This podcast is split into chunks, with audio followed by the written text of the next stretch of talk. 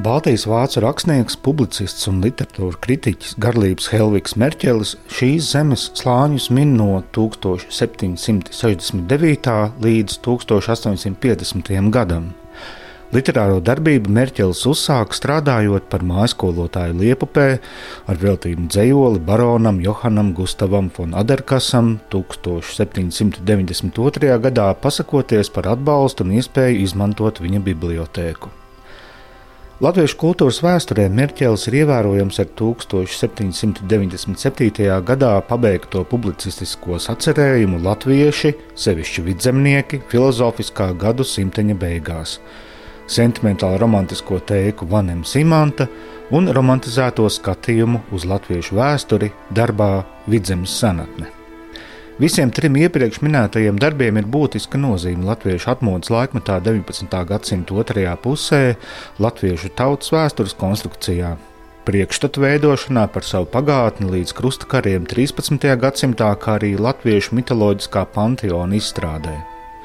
Zīmīgi, ka Andrejs Punkurs eposā Lāču plēsis, sastajā dziedājumā, Tā sākumu Jāņu svinības Zilajā kalnā veido pēc mērķeļa darba Vanem Simanta parauga. Šo pašu darbu Ādams Alanāns liek savas romantiskās lugas dzējā mūsu senču pamatā, kura, starp citu, gandrīz kļūst par latviešu pirmās nacionālās operas libreta pamatu. Lai gan Merķeli latviešu tradicionāli saista ar apgaismības laikmetu, viņa dzīves gājums iestiepās līdz 19. gadsimta vidum. Krievijas impērijas vēsturē ļoti nozīmīgi ir mērķeļi publicētie sacerējumi par Napoleona karaspēka iebrukumu Krievijā 1812. gadā, savukārt vācu literatūras vēsturē nelāgu slavu ieguvusī Merķeļa literatūra kritiskā darbība, peļot vētras un dziļu laikmeta, savu kolēģu un laika biedru novatoriskos sacerējumus. Mērķeļa jubilejas konferences priekšlasījumos balstītais zinātnisko rakstu krājums un katalogs veido divus savstarpēji papildinošus sējumus, kas sniedz plašu un vispusīgu ieskatu apgaismības laikmetā Baltijā, kā arī dažādos pat negaidītos rakursos atklāja viena no diskutablākajām personībām Eiropas un Baltijas kultūra telpā. Taču tagad pētnieku secinājumi un stāstījumi runā Latvijas Nacionālās Bibliotēkas Lietonikas un Baltijas centra direktora vietnieks un Latvijas Universitātes vēstures un filozofijas fakultātes arheoloģijas un vēstures nodaļas docents Mārtiņš Mintaurs, Latvijas Universitātes rokrakstu un reto grāmatu nodaļas vadītāja Aija Taimiņa un literatūra vēsturniece arī Latvijas Universitātes humanitāro zinātņu fakultātes profesore Māra Grudule. Saistās, protams, mūsdienu cilvēkam ar jēdzienu apgaismība. Gan tiem, kuri ir pētījuši apgaismības laikmetu, gan literatūru, gan mākslas un kultūras procesu skābes cienījamās sarunas dalībnieces, gan arī mums pārējiem, kuriem varbūt ar apgaismību saskara ir bijusi mazāka un kuri ir, protams, informēti par apgaismības laikmetu un tā idejām, bet kuriem droši vien arī garlības mērķēlis pirmām kārtām asociējās ar, ar šī laikmeta situāciju. Un tāpēc mans jautājums ir tāds, atverot gan šo zinātnisko rakstu cējumu, kurā ir vairāk kā desmit autoru pētījumi par garlīgu mērķeli un dažādām viņa dzīves un, un darbu pusēm un izpausmēm, gan arī atverot uh, skaisto krāsaino katalogu, kas mums ir saglabājis to izstādi, kāda tika atklāta 2019. gadā šeit pat blakus, kur tagad ir Hankultiešiem veltītā izstāde. Kāds ir jūsu kā šo grāmatu veidotāju priekšstats, kādēļ Merķelis joprojām ir interesants ne tikai Latvijas pētniekiem vai latviešu vēstures pētniekiem, bet arī pētniekiem ārpus Latvijas? Ja izstāde būtu sākusies Merķelis un Latvieši, tā būtu bijis tā vieglākā lieta. Un vieglākais uzdevums var būt, ar ko būtu bijis jātiek galā. Jo par mērķeļu un latviešiem vismaz latvieši paši domā, ka viņi pietiekami labi pārzina šo jautājumu. Ja paskatās uz mērķeļu personu no citas skatu punkta, no citu tautu, ne tikai vienas tautas, vācu tautas, bet varbūt arī no krievu tautas skatu punkta vai no igauņu tautas skatu punkta, mēs sākam ieraudzīt nianses, akcentus, citus, pārbīdes. Un tas izrādās ārkārtīgi aizraujoši.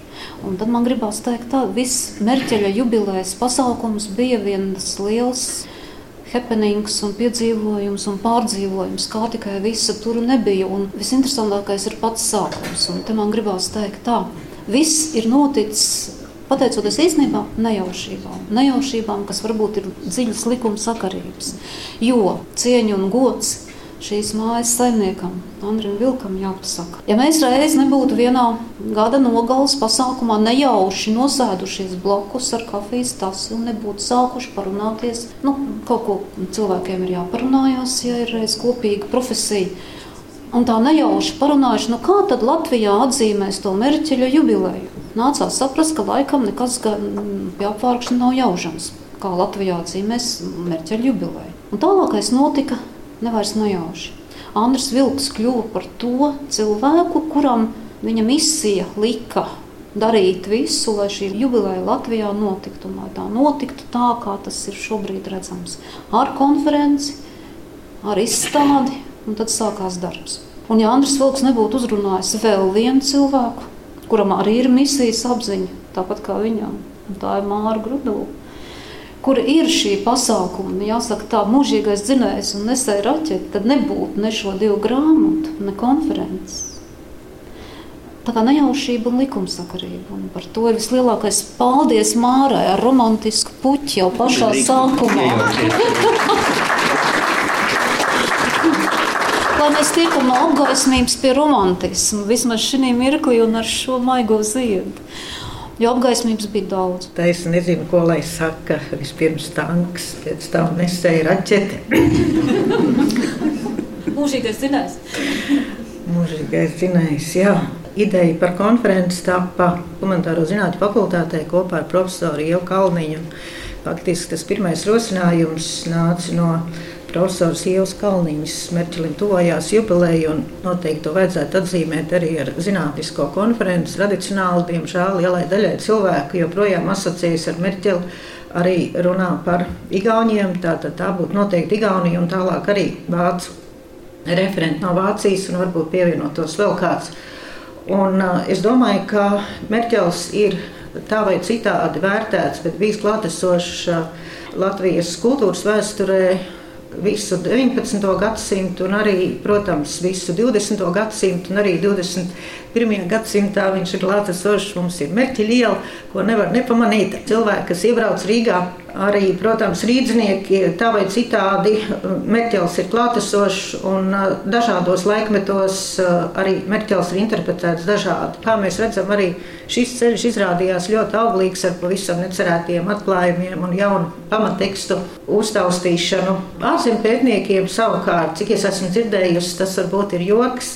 Vācijā arvien lielākas cīņas par jaunām tēmām, jo tik daudz kas jau ir izpētīts un tik daudz kas ir izzināts un tik daudziem jau ir kopotie raksti. Tad Merķels ir ļoti pateicīgs tajā ziņā, ka pētot 18. gadsimta otro pusi un 19. gadsimta sākumu, lai ar ko nenodarbotos, ja runā par centrālu Eiropu vai par vācu valodīgo kultūras telpu, vienmēr nākas atdurties pret uh, Merķeli. Viņš ir ļoti, ļoti daudzos virzienos strādājis, un tie ir gan ceļojuma apraksti, kas ir tikai viens piemērs, gan arī attieksme pret Napoleonu gan arī viņa paša eh, pieredze literatūras kaujas laukā, var teikt. Un, Es domāju, ka pētot varbūt tādus vai pamanot mazāk zināmus uzvārdus, aiz metāla pavērs veselu jūru dažādu jaunu aspektu. Un te es varu minēt, piemēram, Ubi Henčelu kurš arī publicēja daļu no Merķeļa memoāriem 2010. gadā un ar saviem zinātniskiem komentāriem. Un 2014.